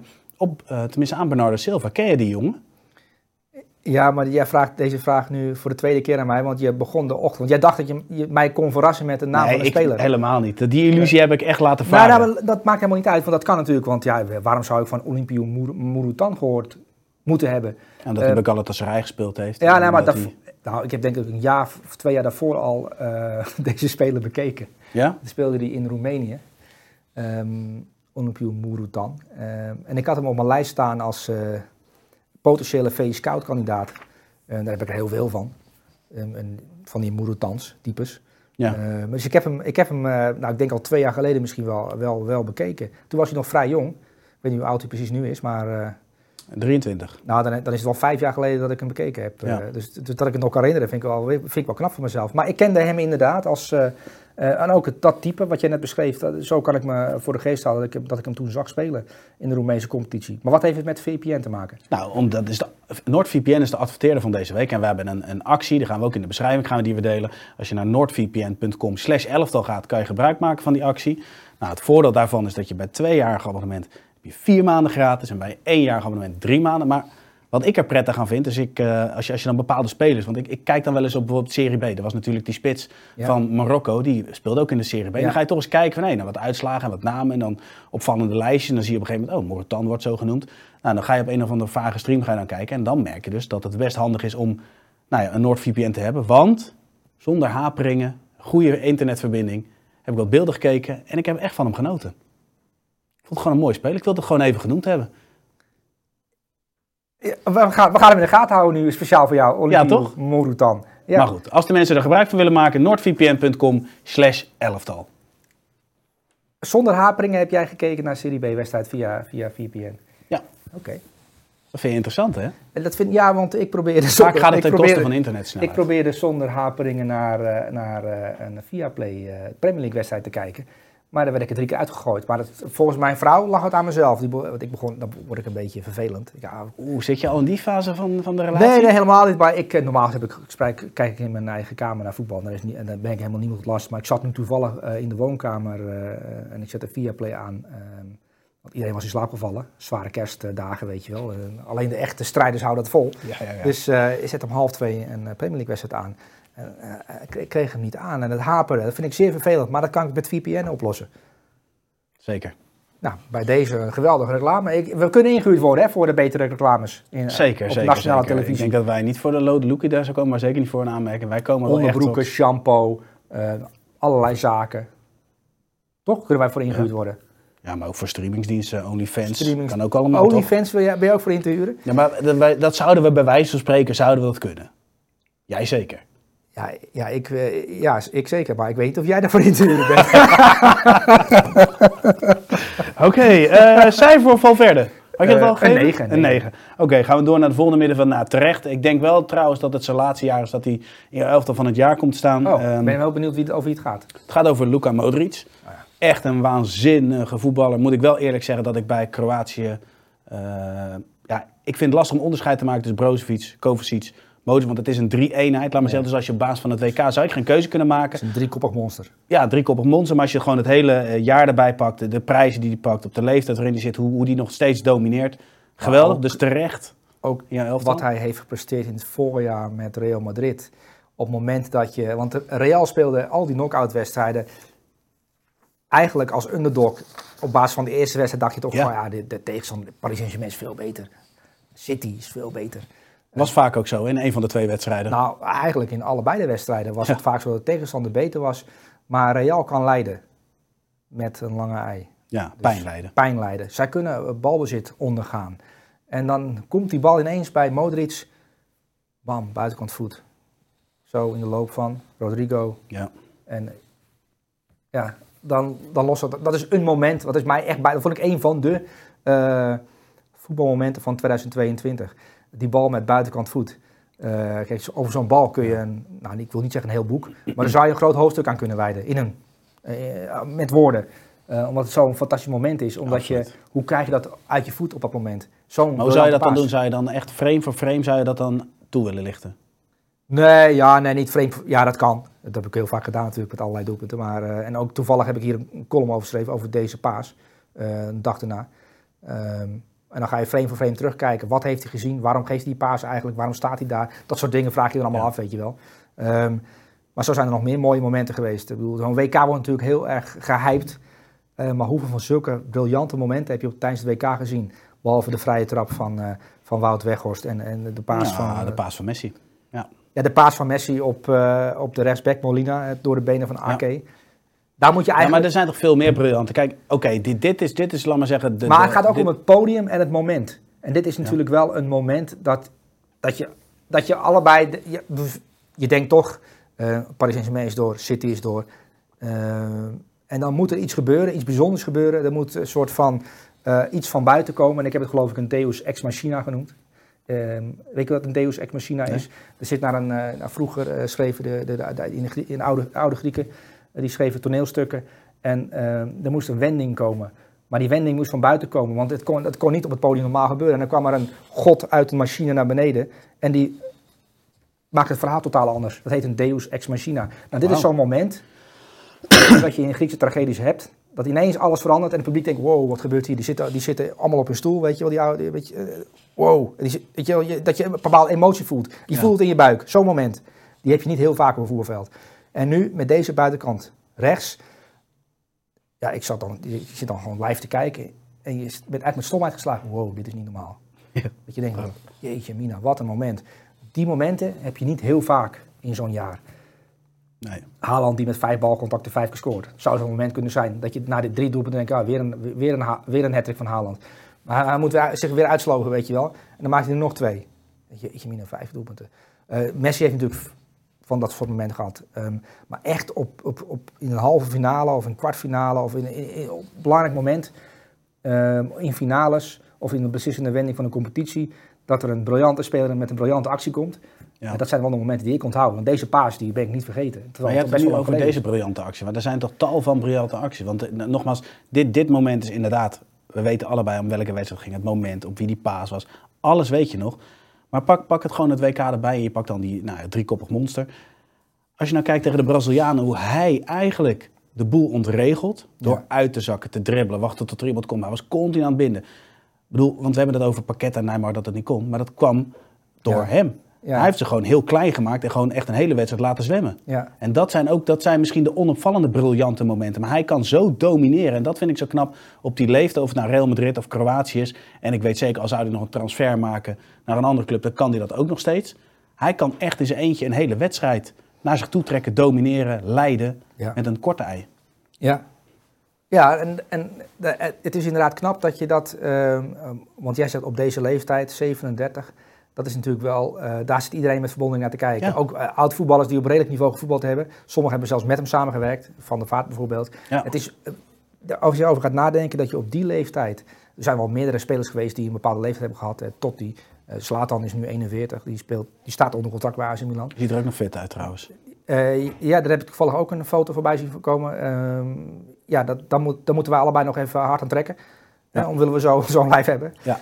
Um, maar dat is niet alleen... Kijk, Modric ziet er niet zo uit als Zlatan, zo fit. Um, maar hij kan ook nog... Het gaat ook om mentale fitheid.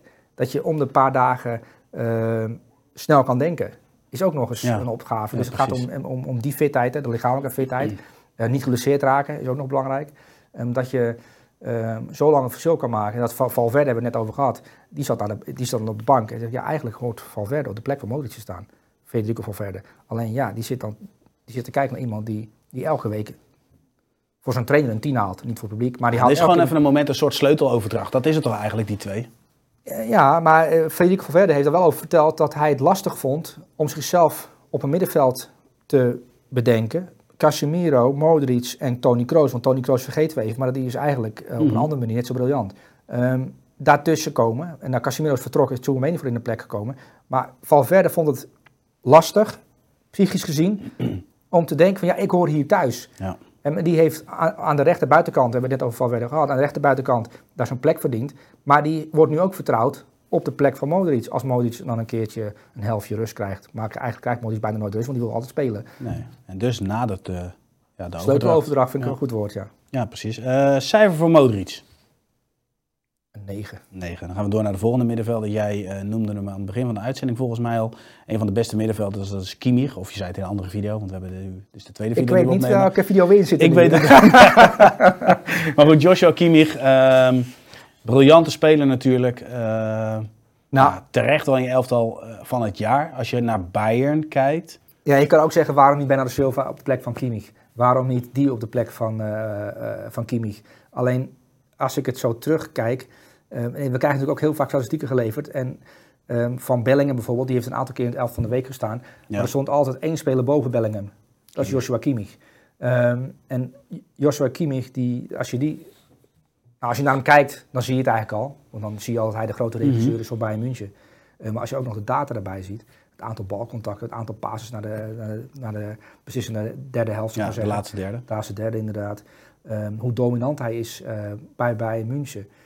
En dat je dan ziet dat de bondscoach aandurft om op een WK hem gewoon respect neer te zetten. Omdat, ja, en ik, toen ik dat zag, uh, Joshua Kimmich naar de rechtsbackpositie.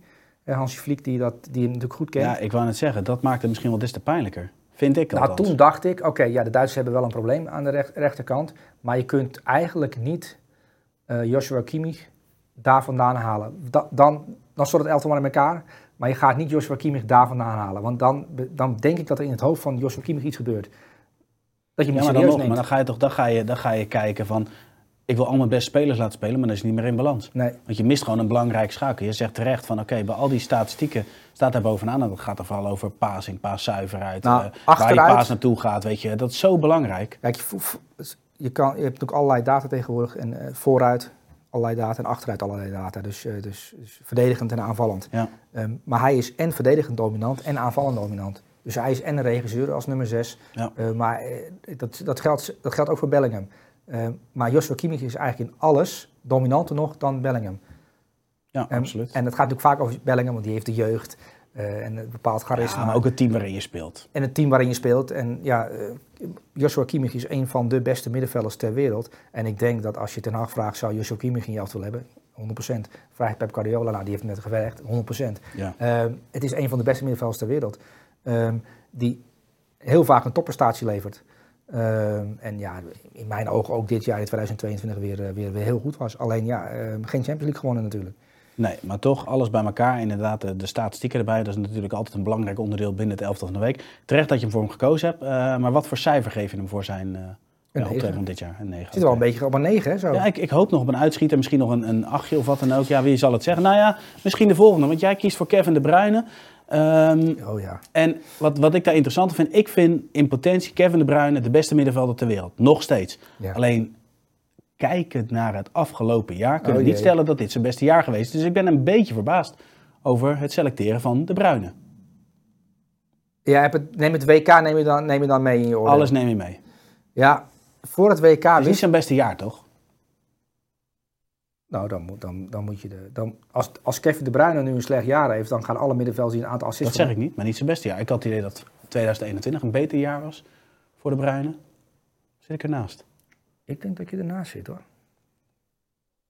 Ik vind hem minder, misschien is het dan dit seizoen wat ik in mijn hoofd. Ik vind hem minder dominant, minder. ehm, Nou, kijk, hij heeft natuurlijk een, een, een- WK meegemaakt waarin hij als zeurende verdette eigenlijk uitkwam. Omdat eh, ja, met al Toby alweer het moment, en, hey, jullie spelen alleen maar lange ballen, maar ik sta hier en ik krijg geen bal in mijn voet. En eh, ja. hij heeft de bal en eh, naar wie moet hij hem pasen? Ehm, het WK is net afgelopen op een zondagavond en City moet dan op een donderdagavond spelen tegen Liverpool. En wie geeft de een naar de andere briljante bal? Kevin de Bruyne. En, en voor het WK wist ik eigenlijk al, eh, Kevin de Bruyne en de Belgische nationale ploeg zonder Lukaku. En met wat hij om hem heen gepresenteerd krijgt, in hoe de, manier waarop ze spelen. Een verouderde elftal, waar hij natuurlijk wel gelijk in gehad. Ja, maar wij maar maken helemaal geen kans om het WK Heb ik te dan echt alleen dat WK in mijn hoofd, wat, wat dan Denk teleurstellend ik is wel, geweest? want ik denk dat als ik jou nu een clip eh, laat zien van de momenten van eh, Kevin de Bruyne in 2022, dan val je stijl achterover van verbazing. Dus Nee, wellicht. Want ik ik heb wel hij kan vanaf hij- elke plek een speler vinden. Ja. Nou ja, het is, het is meer van... Ik, Maar had jij een andere speler in gedachten die op zijn plek dan eh, beter tot zijn recht zou komen? Nou, dat weet ik niet zo direct. We hebben Bernardo Silva hebben genoemd. Casemiro hebben we het ook nog niet over gehad. Ik bedoel, een van de beste controleurs eh, die, er, eh, die er is. Alleen, ja, mij, mij staat toch bij dat hij, dat hij iets minder dominant is. Zeker dit seizoen. Terwijl ik wel eigenlijk in ieder elftal van de week zeg ik wel in potentie... Gewoon puur naar kwaliteit en de veelzijdigheid van hem als middenveld... is hij de allerbeste middenvelder ter wereld. Ja. Toch als je alles pakt? Aanval, ja, het is heel lastig passing. om een, om een, om een dynamisch. nummer 6 en een nummer 8 of 10 met elkaar te vergelijken. En ook, om- ook elftallen verschillen heel erg van elkaar. Ehm, Ja, maar ik durf te zeggen dat waar je hem ook op het middenveld zet, of het nou 6, 8 of 10 is, hij heeft zijn beste positie. Dat, nou, dat is de positie die hij nu bij City heeft. Alle posities zou hij dominant zijn, daar ben ik van overtuigd. Hij kan alles. Ja, ik vind ja, dat de zekerheden die jij in het leven hebt, vind ik wel bewonderenswaardig. Want ik bijvoorbeeld, stel je voor dat Simeone en Kevin de Bruyne zo moeten samenwerken. Dan zou, ben ik wel benieuwd of eh, Kevin de Bruyne na vijf minuten denkt, zo de erop, ik ben weg hier. Ja, maar nu heb je het over een totaal andere speelwijze. Een dominante ploeg. Als hij bij Bayern op de plek van Kiemers zou spelen, ik weet zeker dat hij goed kan. Sterker nog, weet ik zeker dat zijn cijfers ook top zijn. Ja? Iemand die zo balvast is, zoveel passing, zoveel overzicht, die dynamiek wat hij in zijn spel heeft. Ik ken geen speler, ja, weet je, we, we hebben het wel eens gehad over het spelers die op elkaar lijken. Bellingham zou uiteindelijk zo'n soortgelijke speler kunnen zijn. Als, als Kevin de Bruyne? Ja, Ja, ik, ik, ik denk dat Kevin de Bruyne altijd een Rodri of een Witzel in zijn rug, want, want hij een speler is die, die, een, die een verdieping 2 moet spelen, zeg maar. Van ja dan is hij op zijn best. dan is hij op zijn allerbest. Hij zal natuurlijk op verdieping 1 ook goed zijn. Ehm, maar ik denk dat andere spelers daar beter in zijn. Eh nou, Busquets hebben we natuurlijk genoemd, die natuurlijk nu eh, vervangen moet gaan worden door Barcelona. Eh, maar ik denk dat als je hem daar neerzet, dat je dan ook veel van hem wegneemt.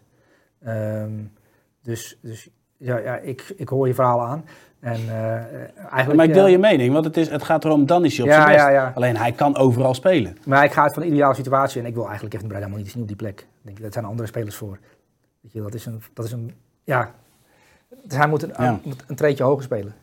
Laat lekker Declan Rice lekker op die plek spelen. Weet je wel, de onopvallende rol. De, Kevin de Bruyne moet een, rol, een, een, niveautje hoger. Want die moet namelijk bezig zijn met, ik krijg zo de bal. Waar staat Haaland? Bam, doelpunt. Maar je hoeft er niet als zes onopvallend te spelen. Je hebt toch ook hele dominante nummers. Ja, heb je ook. Maar Toch? ik vind Kevin de Bruyne eh, op die plek daarvoor iets, eh, iets beter. Jij probeert iets van mij los te krijgen. Nee, ik, nee, eh, totaal niet. Het is meer Kevin van... de Bruyne, die hoort in het, is de beste middenvelder ter wereld. Dat vind ik lastig om te zeggen, omdat het, ja, middenveld is... eh, Ja, ik noem dan de veelzijdigheid. Hè? Want het is inderdaad de 6 en 8 en de 10 vergelijken. Dat is gewoon heel lastig. Maar als je gewoon het hele pakket kijkt. Ik zou niet weten, wat, wat kan hij niet? Als middenvelder, wat kan hij niet? Nou, hij vindt, het, hij vindt het niet heel erg leuk om veel richting zijn eigen 16 meter te bewegen. Dat hij ballen bal moet veroveren en, en, en ballen ophalen. Want dan, dan neem je echt heel veel bij hem weg. Want hij is iemand die, ehm, die vaak naar de zijkant uitwaaiert. En dan krijg je die bal aangespeeld. En dan, is het, en dan is het een bam, tweede paal. Een bal die net tussen de verdedigers en de keeper landt. Want je denkt, de keeper kan hem net niet hebben. De verdedigers kunnen er niet op reageren. Maar degene die komt inlopen of die, die daarop anticipeert, die knalt hem binnen. Ja. Ehm, dat is een voorbeeld. Hij heeft natuurlijk ook die versnelling. Zodra hij die bal op de juiste manier krijgt aangereikt, hij draait weg of hij is al eh, weggedraaid. Het gaat richting de 16, dan is het of zelf schieten, of links een keuze, of rechts een keuze, of ertussenin een, een keuze. afhankelijk van wie er allemaal uh, rondlopen. En dan ook nog de ballen op de juiste snelheid uh, aan degene geven, aan Phil Foden of aan Mares of aan Haaland. Um, daar wil je hem zien. Um, zo dicht mogelijk tegen de 16 aan, omdat hij dan echt uh, gevaarlijk is. Uh, laten we hem beoordelen op zijn prestaties dit jaar, los van het WK. Want het WK, daar hebben we het kort over gehad. Er waren op een gegeven moment 81 spelers die meer balcontact hadden dan, ja, uh, dan de. Dat is, dat is echt heel pijnlijk. het WK nemen we niet mee. Wat voor cijfer krijgt hij dan voor 2022? Het jaar nou, ik vind wel dat je, dat je misschien... kijk, ook hierin wil ik je gelijk geven. En dan geef ik hem een 8,5. Maar ik geef hem toch een 9. Maar uh, strenge leraren zouden hem een 8,5 geven. En jij bent dan een strenge leraar. Ja, um, denk ik. Maar je moet ook daar een beetje doorheen kunnen kijken. En, en, en, hoeveel spelers kunnen dat niveau van hem aantippen? Ik denk niet heel veel. Um, dus ik geef hem een 9.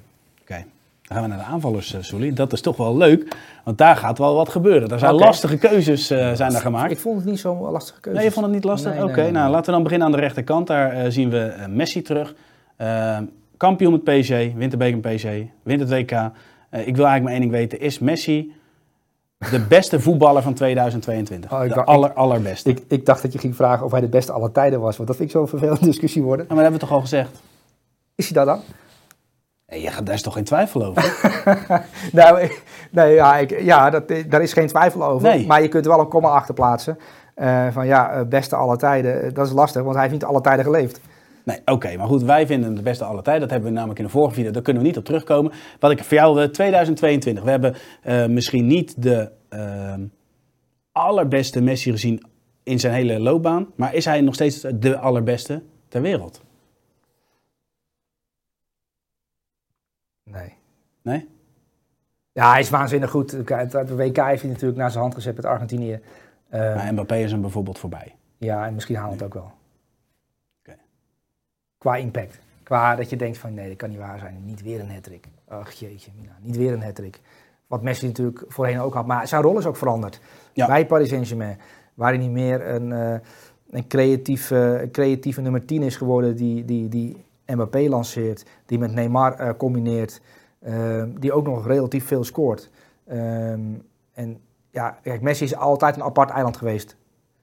Ik bedoel, als je al, ik bedoel, we hebben allemaal die statistieken wel voor ogen dat je dan laten ze alle creatieve spelers in zo'n puntengrafiek uh, zien. En er was al altijd eentje die ver buiten alle gemiddeldes uh, stond. En ik zag laatst een, een, een, een, statistiek voorbij komen over het aantal expected goals door de jaren heen van Messi en hoeveel goals hij werkelijk maakte. Um, hij heeft altijd overgepresteerd. Dus hij heeft eigenlijk altijd alles wat de machine dacht dat Messi kon, deed Messi altijd beter. Dus hij is eigenlijk een veel beter algoritme dan het algoritme zelf. Snap je wat ik bedoel? Ja, dus zeker. Dat, dat, is iets, dat, als je daarover gaat nadenken, ja, dat, dan, dan, en je, je hebt een beetje alcohol op, dan kan het een leuke discussie worden met vrienden. Weet je wel, ja. hoe goed is Messi eigenlijk? En als je dan ook nog eens um, alle meningen van voetballers die met hem gespeeld hebben, vraagt van hoe goed is die Messi, dat ze allemaal eerst even zuchten daarna uh, willen uitleggen, maar eigenlijk niet goed uitkomen. Omdat je bijna niet kan uitleggen hoe belachelijk het is wat hij heeft gepresteerd al die jaren. Ja, maar die, die statistieken kunnen straks Haaland en Mbappé uh, ook op een overleggen. Manier, ja. Alleen, het is, we hebben de laatste discussie gehad, wat is het verschil tussen 9 en 10? Ja. Messi is gewoon ja, briljant. Het is gewoon het sublieme, laat maar zeggen, binnen het voetbal. Ja, com ja het is compleet. Ja. Dat is zo compleet. En Haaland zal nooit uh, met 20 assists of uh, of zo creatief zijn als spelmaker. Sterker nog, hij zal gewoon doelpunten gaan maken. Hij is, in de 16 meter is hij briljant. En, en hij zal allerlei hat records gaan breken. Ja. Hij zal allerlei Premier League records gaan breken. Uh, afhankelijk van de prestatie van City zal hij een aantal gouden ballen gaan winnen. En hetzelfde geldt voor Mbappé. Die zit nu ook al op een, op een aantal dat je denkt van ja, zoveel doelpunten en zo jong, belachelijk. Gaat topscorer alle tijden van Frankrijk worden. Nou, Haaland is een Noor. Uh, daar is niets aan te doen. Nee. Dus die, moeten we misschien niet op eind, die gaan we misschien niet op eindronde zien. En misschien wel, want het WK en het EK worden, is natuurlijk uitgebreid. Ja. Dus wellicht dat hij zich Maar goed, we hebben Bill uiteindelijk ook met Wales gezien. Ja, daarom. Dus het zou kunnen dat hij ook eens een keer op een eindronde wat gaat presteren. Maar Haaland ja. en zijn statistieken. En, en bedoel, um, ik deed. Uh, het was zondagavond de finale natuurlijk van het WK. Frankrijk tegen Argentinië. De beste finale ooit. Hè? Dat hebben we natuurlijk geconcludeerd ook. We trekken nogal wat conclusies in die, die video's. Absoluut. Uh, dan is het, het klopt altijd. Dan ga je maandag, is dan een voetballoze dag. Hè? En dan is het dinsdagavond Kelvin Stengs op een andere plek. denk ik, goh, leuk, Kelvin Stengs, heb ik nog, nog nooit zo goed gezien. En twee dagen later zet je uh, Liverpool City aan.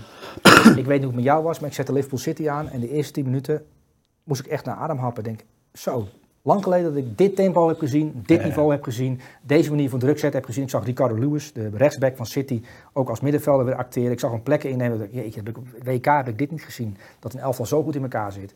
En dan is het WK dat kan niet, Sully. Nee, het kan, absolu- kan ook Nee. absoluut niet. Maar het WK qua niveau is natuurlijk eigenlijk veel lager dan wat je gewend bent van de, de topconfrontaties tussen de topteams. En dan zit je te kijken naar Liverpool City, van, waar, waarbij beide elftal nog niet helemaal op volle sterkte zijn. En ehm, de eerste tien minuten dacht ik echt van jeetje mina. En die Haaland had toen al twee keer op doel geschoten. En, en, en, eh, en, en, en Haaland scoorde bijna binnen 30 seconden. Kan je het herinneren? Dat hij werd Ja, weggestoken, bam, en hij scoorde Zeker. bijna. Dat je echt denkt van jeetje mina. Oeh, we gaan even lekker voor zitten. En ik heb genoten van die wedstrijd. En eh, een dag later hadden we natuurlijk met VI de kerst, eh, kerstlunch. Was het leuk? Ja, was hartstikke eh, eh, leuk. Ja, daar kan ik uren over vertellen. Was hartstikke leuk. Maar eh, Pieter kwam binnenlopen. En die zei me geen gedag. Die zei ook niet vrolijk kerstfeest of zoiets. Die begon direct over die eerste 10 minuten van City Liverpool. Goed mafketel natuurlijk. Ja, maar is maar goed ook, joh. Je moet met Pieter toch niet over andere dingen gaan lullen, man. Lekker over voetbal lullen met Pieter. Nee, nee, nee, want je, zou, je onderschat Pieter op dat vlak. Want, Nee, dat eh, zeg ik helemaal niet. Maar het gaat om het enthousiasme waarin hij over, waarmee hij over voetbal praat. Nou, kijk, Pieter heeft natuurlijk ook al die WK-wedstrijden zitten kijken. En, eh, en, en daar moet je dan wat over vinden en van zeggen. En dan Ja. we zes weken lang een WK. En, dan ga je op donderdag. Je zou denken, de meeste mensen zouden denken, na zes weken of vijf weken WK, ben je eigenlijk wel even zat, het voetbal. Ehm, maar ja, goed, als je al naar Antwerpen gaat zitten kijken op dinsdagavond, dan ga je natuurlijk ook naar City Liverpool zitten kijken. En dan is het toch wel weer prettig, oh, ze, zitten allebei nog op voetbal. En Erling Haaland doet het ook nog. Ehm, maar hij begon dus over, eh, over, eh, over, over City tegen Liverpool. Van dat hij de eerste minuten en de eerste helft ook echt enorm genoten had van het hoge niveau. En, eh, en dat je ook heel Mhm. duidelijk de hand van een trainer kan zien daarin. Ehm, maar tot mijn schrik eigenlijk ehm, kwam ik er ook achter dat... Pieter Zwart heeft een vriendin, vriendin natuurlijk. eh, eh, Al enige tijd, hè? al enige tijd. En dat heeft hem toch ook goed gedaan op, eh omdat hij ook op andere vlakken best op de hoogte is. Want hij weet dus ook heel veel eh, roddels uit het, uit het artiestencircuit. Oh. RTL Boulevard schijnt hij mee te kijken met zijn, met zijn vriendin. Ja, dus daar, daar kwam ik achter op een gegeven moment per ongeluk. Omdat ik hem gewoon vroeg, weet jij dan wie dat is? Ik zeg, ja, dat is de vriendin van die en die. En dat, dat, op dat vlak heeft hij Oh. ook wel veel kennis hoor. Dus zou hij ook gewoon een soort RTL Boulevard kunnen opnemen met Pieter Zwart aan tafel. Nou, hij weet echt heel veel. Misschien kunnen we dat eens aan de YouTube-kijkers vragen of zij een, een, een roddelrubriek met Pieter zouden willen hebben. Nou, nou, maar hij, bedoel, eh, hij weet niet alleen van, dingen van voetbal, maar eh dus ook, eh dus, ook, Ja, maar ook goed, we weten hoe enthousiast hij over voetbal kan praten. En dan, dat moet je ook zo lekker laten. Maar goed, tijdens de Nou, ik moet wel zeggen, als hij, nou, als hij dan begint over die eerste 10 minuten, en we hebben het dan over de looplijnen van Ricardo Lewis, en dan staat de directeur van Voetbal International, die staat er dan naast. Die hebben het open mond te kijken naar twee idioten. Weet je wel, Mhm. neem nog even lekker een, een sapje en een lekker broodje. Maar eh, hou even op hierover. Maar hij, moest het, hij moest het even kwijt, denk ik. Ja, dat denk ik ook. Ja, maar dat bespreekt hij weer niet met zijn vriendin. Nee, ik bespreek dit soort dingen ook niet met mijn vrouw, eerlijk gezegd. Eh, dat ik, eh, ze ziet wel het enthousiasme van mij, want ik zat toevallig ook weer beneden. Want ja, ik probeer dan toch de- beneden, grote scherm, beter geluid, wel, ja, toch ja. even te sneaken. Ze kan aan mij zien of ik het wel of geen goede wedstrijd vind. Ze hoeft niet eens te kijken naar het scherm, maar ze kan aan mij zien of het een goede wedstrijd is. Ja, maar dat is toch goed? Ja, nou, dit was een goede wedstrijd. Ja. Terwijl het niet eens het allerbeste wedstrijd was die Maar laten we gelijk doorgaan. Want we, Haaland, eh, we gaan gewoon alle drie de aanvallers bespreken. Gaan we, daarna gaan we de cijfers geven. Eh Haaland, Oh, want waar, waar, waar hebben we het eigenlijk over? Nou ja, we hadden het over Messi, toen gingen we naar Haaland. Oh, Nou, dat is toevallig Nou, ook kijk, in het elftal. Messi, Messi WK-titel 35. eh, eh, eerste seizoenshelft bij Paris Saint-Germain, briljant. Mhm. Eh, een soort van warming-up voor het WK, eh, werd er gezegd. Eh, daarna heeft hij het WK gewonnen. Eh, ik weet niet wie het was, eh, maar er is een topvoetballer die heeft gezegd... eh, gouden bal kun je eigenlijk al opschrijven. Er moeten wel heel gekke dingen gebeuren, wil dat niet Messi worden. Ehm, daar zit wat in. Daar zit zeker wat in. En laten we dan eens doorgaan naar, naar Haaland. We gaan straks de cijfers geven. Ja. Ehm, Ja. we hebben alle sterren gezien. Eh, het is wel weer leuk we nu eindelijk weer Haaland aan het werk zien. Weet je wel. En, en ik wacht nog steeds, we hebben het een aantal keren al gezegd in de video. Ik hoop nog steeds een keer op de analyse dat hij vijf balcontacten heeft Ja, gehad en zes keer gescoord heeft. Maar wat, wat, wat verwacht jij nou in het komende nou ja, half jaar van, van Haaland? Want als je nu al kijkt, 19 duels, 24 goals, 3 assists. Hij heeft, na de helft van de wedstrijden heeft hij maar 90 minuten gespeeld. Kun je er nog één keer, hoeveel goals? 19 duels, 24 goals, 3 assists. En hij is, eh, hier staat het, 9 keer maar heeft hij 90 minuten gespeeld. Dus hij is vaak gewisseld. Ja, ehm Guardiola haalt hem al eh, vaak naar de kant, minuut 70, zo 60, ehm, om, ja, om, om de mens Haaland eh, te sparen. En, en ja, de robot kan je laten staan. Eh, maar ja, dus, ah, het is half mens, half robot. Ja, half mens, half voor de geschiedenisboeken gewoon volkomen kloten natuurlijk. Nee, want ik denk dat je op de lange termijn dan meer goals eh, ervoor terugkrijgt. Eh, je kan natuurlijk ook in minuut 85 door bepaalde vermoeidheid geluceerd raken. Ja. Ehm, en ja, jij noemt net 19 wedstrijden, 24 goals. Dat, als je dan een rekensom op loslaat, je telt er nog eh, 20 wedstrijden bij op. eh, en nog eens weer 25 doelpunten. En stel je voor dat hij wat gekke dingen doet. Ja, hij gaat boven de 50 goals uitkomen in zijn eerste jaar bij City. Ehm, Bizar eigenlijk. Zeker in Engeland bizar. Ehm, ja, en ook in de Premier League, dat record van 34. En of gaat hij boven de 40 goals uitkomen in de Premier League? Ehm, we hebben daar een hele video over opgenomen. eh, over moet hij zich aanpassen aan City en kan hij dat, eh, dat record gaat uit de boeken geschoten worden. Ja. Omdat hij natuurlijk, het gaat over doelpunten bij Haaland. Op heel, heel veel doelpunten. En dat hij dan in zijn eerste half jaar ja, iedereen wel echt versteld doet staan. Ook zijn trainer. Want daar heeft Guardiola wordt natuurlijk heel vaak naar Haaland gevraagd. En het is, op een gegeven moment wordt het vermoeiend om iets over Haaland te zeggen. Want je moet elke week iets over Haaland zeggen. Ehm, maar wat ik wel mooi vond eh, aan, aan eh, Guardiola, dat hij zei van ja, je kunt natuurlijk naar hem kijken en zeggen, eh, je kunt hem op de Guardiola manier beoordelen, van technisch gezien, dat je ja, de bal, niet elke bal die is perfect aangenomen. Nee. Maar hij zei van dat hij, hij heeft iets bijzonders en dat zie je ook op de training. Want ook al denk je dat hij er niet is, minuut 70 is het nog 0-0 en Haaland heeft nog niet gescoord. Ehm, dan laat hij hem wel staan, want hij is toch elke keer bezig, ook in zijn hoofd, met waar gaat die bal straks vallen, zodat ik die bal kan binnen. Ja. Waar kan ik straks diep gaan? Ehm, hij zit heel erg ehm, in een wedstrijd, maar zo erg erin, dat ik denk dat het, als je dat, dat is een bepaald soort, dat is een bepaald, eh, ja, bepaalde focus. Die, ja, die heeft hij natuurlijk bij Dortmund ook. Dat hij zit echt compleet in zo'n wedstrijd. En, en, en ook al is hij er niet, dat was wat Guardiola zei, dan is hij er eigenlijk wel. Dat heeft hij ook over Messi vaak gezegd. Die, dan, dan, die lijkt dan aanwezig en bam, in een flits is het, eh, Ja. is het een, ga, ja, doet hij iets wat eh, briljant is. En Haaland heeft natuurlijk op het gebied van afmaken, ehm, dat hij op een gegeven moment ziet, oké, de Bruyne die beweegt zich naar de rechterkant. Dan weet hij al, die bal kan bij de tweede paal gaan komen. Maar je moet niet te vroeg bij die tweede paal komen. En je hebt ook nog een verdediger die mij in de gaten houdt. Die verdediger moet ik eerst afleiden. Daar is hij dan al mee bezig. In zijn hoofd gaat, er gebeurt best veel in het hoofd van Haaland. eh, voordat hij een doel Maar wel allemaal eindfase. Niet met de rest van het spel. Nee, niet met de rest van het spel. Dus hij is, hij is bezig met de eindfase. Maar eh, voordat die eindfase er is, en voordat Kevin de Bruyne de bal krijgt, en voordat die bal van de Bruyne naar de tweede paal kan gaan, en die twee verdedigers die daar in het centrum gaan te wachten, weten ook, Kevin de Bruyne gaat de bal zo krijgen, en die bal Ja. gaat naar de tweede paal. En allemaal, dat zijn allemaal feiten. Ja. Ehm, en die feiten, daar moet je mee gaan spelen. En dat, dat, als aanval is dat wat hij doet. Ehm, heel vaak die vooractie die je niet Ja, op beeld ja. ziet, maar die pas ziet in de herhaling, omdat dan met vertraging kun je dan terugkijken. En denk, oh, hier schudde hij eh centraal verdediger. En daarom stond hij vrij. Altijd vanuit de rug vanuit de verdediger. Dat, Oh, dat doet ja, hij en- continu. Maar ja, dat. eh, maar dat doen wel meer aanvallers. Maar het gaat, ook om, eh, dat, het gaat ook om de timing van het moment en de intensiteit van het moment. En ja, sommigen hebben de timing wel, maar niet de intensiteit. Maar Haaland heeft, ja, als, als je ziet hoe hij diep gaat Ja. en welke timing die, die, die erbij hoort. Hij is de beste op aarde in, in, in dat vrijlopen.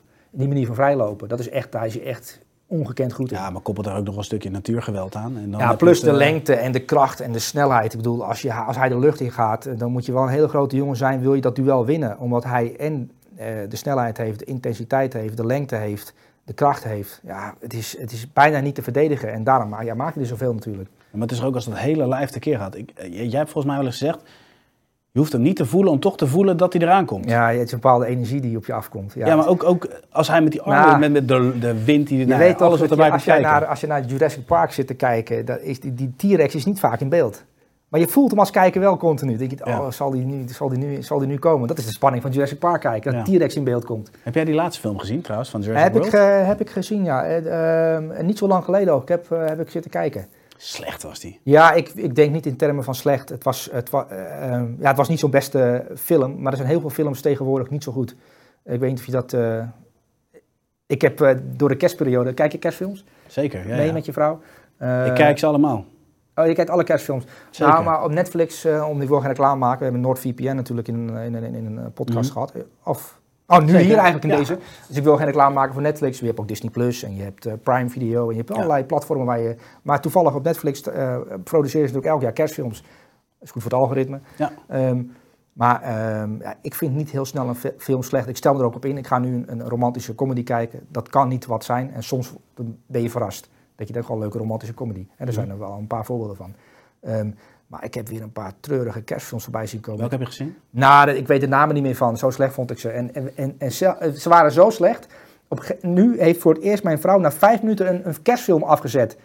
Nou, dat, dan, dan is de film echt heel slecht. Heeft mijn vrouw nog nooit gedaan. Nee? Nog Nou, ik, nooit. heb, ik heb ook een topvrouw, hè. Dus die was, na vijf minuten heeft zij een kerstfilm afgezet en ik dacht, gelukkig. Nee, maar mijn vrouw heeft een soort volhoudend karakter van het komt wel goed. Nee. En soms is dat met een film niet. Na de, e- de eerste twee minuten weet je al of een film goed is of niet goed is. Ja. Eigenlijk. Als je nou romantisch uh, komt, wel- welke is nou, eh, wat is jouw favoriet? Ehm, ja, eh, eh, ja die, die is elk jaar op televisie. Eh, hoe heet die film nou ook weer? Love Actually. Love Actually. Vind ik een geweldige eh, roman. Als je, als je, als je zeg maar wil instappen als eh, jonge kijker, je bent 15 jaar, je bent man en je denkt, ik kijk alleen maar stoere films. En je, en je denkt van, ik heb een eh, date met... Die eh, vrouw die Hugh Grant dan verovert, dat was een mooie vrouw. Ja, niet alles verklappen, maar ik zou Love Actually al een goede instapfilm. Ja. En eigenlijk ben je daarna voor de rest van je leven verpest, want de rest valt dan tegen qua romantische comedies. Maar eh, Love Actually zou ik aanraden als je 15 bent en eh, je wil iemand eh, op date vragen in je slaapkamer. en je wil een romantisch film kijken, Ja, dat dan zou zou ik. Love Actually En aanraden. dan weet je één ding zeker. Ja, maar goed. Ehm, Nee, jij bent nu smeerpijp. Dan, dan moet je popcorn erbij halen of, of, of chips. En dan heb je een leuke avond. Je moet niet meteen zo smerig dat denken. maak jij, nee, dat maak jij daarvan. Je weet zeker dat je een goede avond hebt dan. Een mooie oh, avond. dat bedoelde je. Jij, Oké. jij zit me weer in dat hoekje. Ja, dat klopt. Nog heel kort Jurassic World, dan haken we, dan, dan stoppen we ermee. Weet je wat, soms heb je in een film een afhaakmoment, hè? Ja? En volgens mij heb ik het in de eerdere podcast wel gezegd. Toen die dinosaurus die de vleugels van een papegaai had ging zwemmen, was ik klaar. Oké. Moest ik wel aan Haaland denken. Ook die enorme rijkwijde, een beest wat op je af komt stormen. Dat heeft wel weer... Ja, ja, maar kijk, Ha- Haaland, kijk, we, we hebben natuurlijk jarenlang naar Ronaldo en Messi gekeken. En, en het aan, wat bijzonder was, was dat zij in de Primera Division 48 goals, 50 goals, dat, dat, dat ging Ja. maar door. En, en ja, en Mbappé en Haaland, die hebben dat ook. Dat, dat, die, er is geen grens. Ja, denk je, ja, er is een grens, 34. Normaal, Salah komt daar tegenaan. Die, dat is een geweldige voetballer. Ehm, maar ja, Haaland beukt daar dwars doorheen. En denk je, hoezo 34? is een beetje weinig. Kom op, we maken er gewoon 42 van. Eens. ja, die, die herschrijft eigenlijk alles wat mogelijk is in de Premier League. Dus dat is wel heel bijzonder. Het is wel mooi om dat in een eerste seizoen live mee te maken. Maar ook de, de energie waarmee, wat, wat we over hadden, die eerste 10 minuten tegen Liverpool. Dat je denkt van, eh, je komt er net in. Denk je, de eerste wedstrijd na een paar weken, weet je wel. Hij heeft graslopen mij in het City Stadion geloof ik. Hij heeft de toiletjuffrouw geholpen. Hij heeft de secretaresses geholpen. Hij heeft in het pak gezeten van, eh, van het Citypak, de mascotte. Want hij moest de tijd doden, hij moest de tijd doorbrengen. Een beetje op vakantie geweest. En dan sta je op het veld. En binnen 30 seconden ram je er bijna één in. Lasagne maken. Hij heeft lasagne, ja, het, ja precies, lasagne maken, lasagne hattrick, eh, dat is, eh, is een geheim, hè? dat schijnt het geheim te zijn, Ja. ja. Zullen we gelijk eh, doorpakken naar de volgende aanval? Dan gaan we straks cijfers geven. Mbappé. Eh, komende maandag maken wij weer eh, het rondje langs de buitenlandse velden met jou. Maken we, nemen we weer het elftal van de week nemen we op. Oh. En ik kijk enorm uit naar wat jij op dat moment weer gaat zeggen over Mbappé. Want die gaat waarschijnlijk ook weer zijn minuten maken bij PSG. Die gaan de boel weer, eh, weer oppakken. Die willen de Champions League winnen, willen weer kampioen worden. Ehm, nou ja, als je zo'n hele jaar erbij pakt. Cijfers liggen er niet om. Geweldige WK-finale. Maar uiteindelijk, ja, zonder hoofdprijs. En de vraag is? Maar dat is eigenlijk geen vraag. Ehm, nou, kijk, ehm, hij heeft natuurlijk zijn contract verlengd ehm, dit jaar. Ja. Hij is bij Paris Saint-Germain gebleven, hij zou eigenlijk naar Real Madrid gaan. Ehm, en als je zijn jaar gaat bekijken, sowieso de druk waarmee hij speelt, want iedereen kijkt naar hem. Ehm, en je, spe- je speelt met Messi en Neymar samen en je durft het aan om eigenlijk te zeggen van ja, maar ik ben toch de belangrijkste speler hier. Dat dat eigenlijk al de, de insteek is waarmee je erin staat ten opzichte van Neymar en Messi.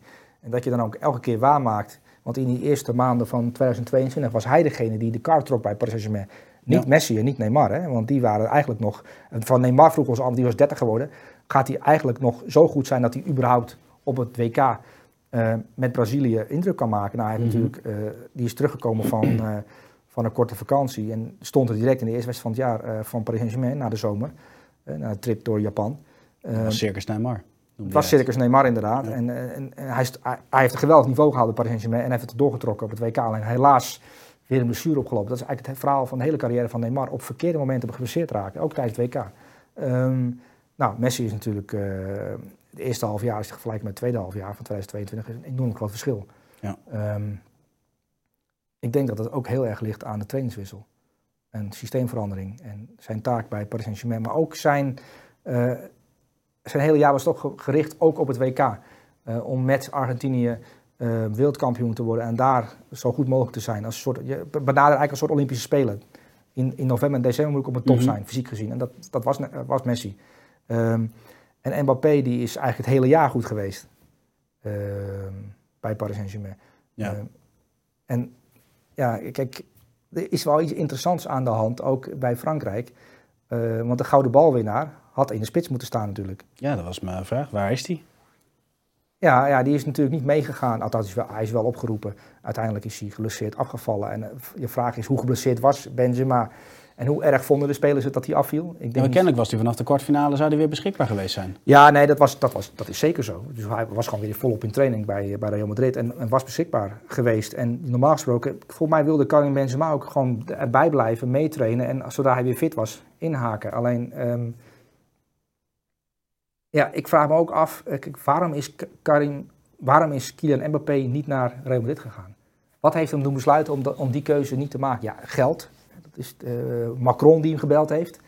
eh, die hem ingepraat heeft. En alleen, dat is achteraf iets willen uitleggen. Ja, ik ben gebleven bij Paris Saint-Germain vanwege het landsbelang in Frankrijk. En ik wil eh, met, met Paris Saint-Germain nu met de Franse club Champions League winnen. Je moet wat zeggen op Ja. zo'n persconferentie. Maar jij denkt dat het contractverlenging. Benzema is. Nou, ik vraag me dus af. Kijk, Mbappé, er zit een heel, er zit, zijn moeder is belangrijk. ehm, zijn vader zit erbij, die, die, die, die wat in, in de melk te brokkelen heeft.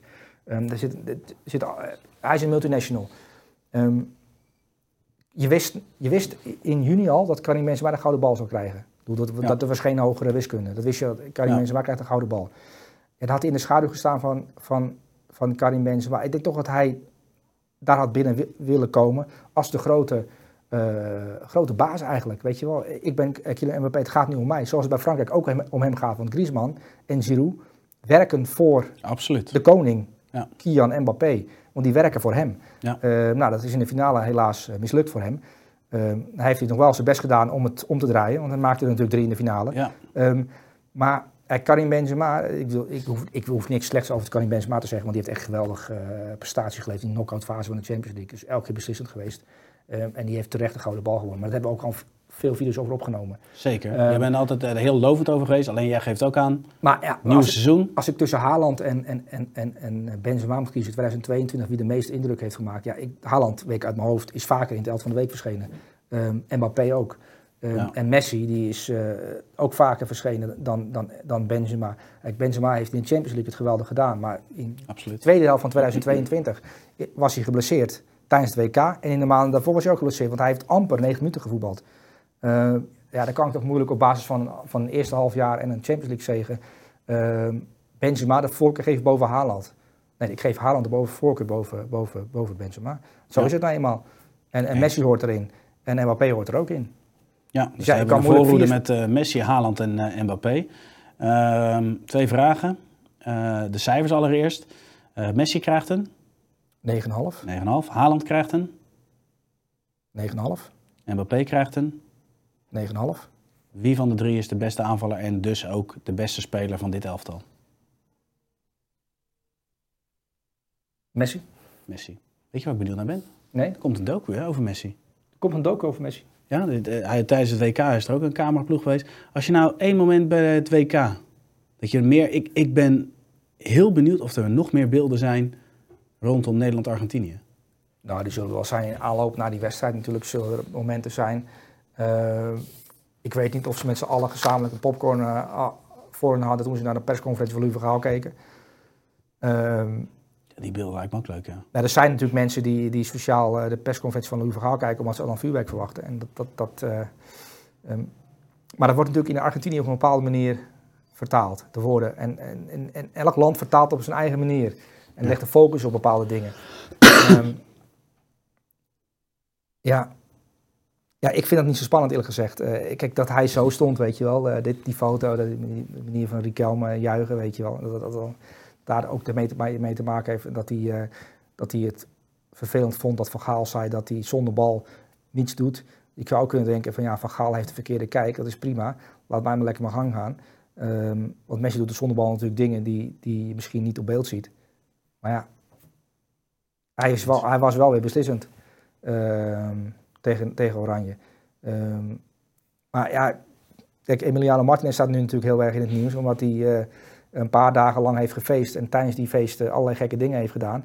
Uh, Nico Dijkshoorn heeft daar in VI het kerstnummer een geweldige column over geschreven, over de handschoen van Emiliano Martinez.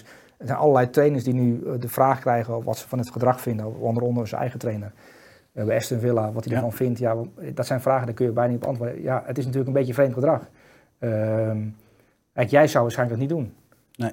Jij wel? Uh, nou, nee, ik, het zit ook niet in mij om. Uh, ik zou never nooit met een handschoen uh, voor mijn penis een café binnenlopen. Of ik zou niet op, een dorpsplein gaan staan, staan juichen met een, met een handschoen ervoor. Nee. Um, nee, dat klopt. Maar ja, er zijn ook mensen die de behoefte voelen als ze, als ze blij zijn om zich uit te kleden en naakt over een plein heen te rennen. Weet je wel, ja, ik heb ook, ik weet niet of jij de beelden hebt gezien bij het Argentijnse feest, 5 miljoen mensen op Buenos Aires. Er sprongen mensen van een viaduct af. Ja, die kwamen slecht terecht. Dat is niet handig van een viaduct. Nee. Ik, heb, ik heb een vrouw naakt door de straat van Buenos Aires zien rennen. Uit blijdschap. Zou ik ook niet zo heel snel doen. Nee.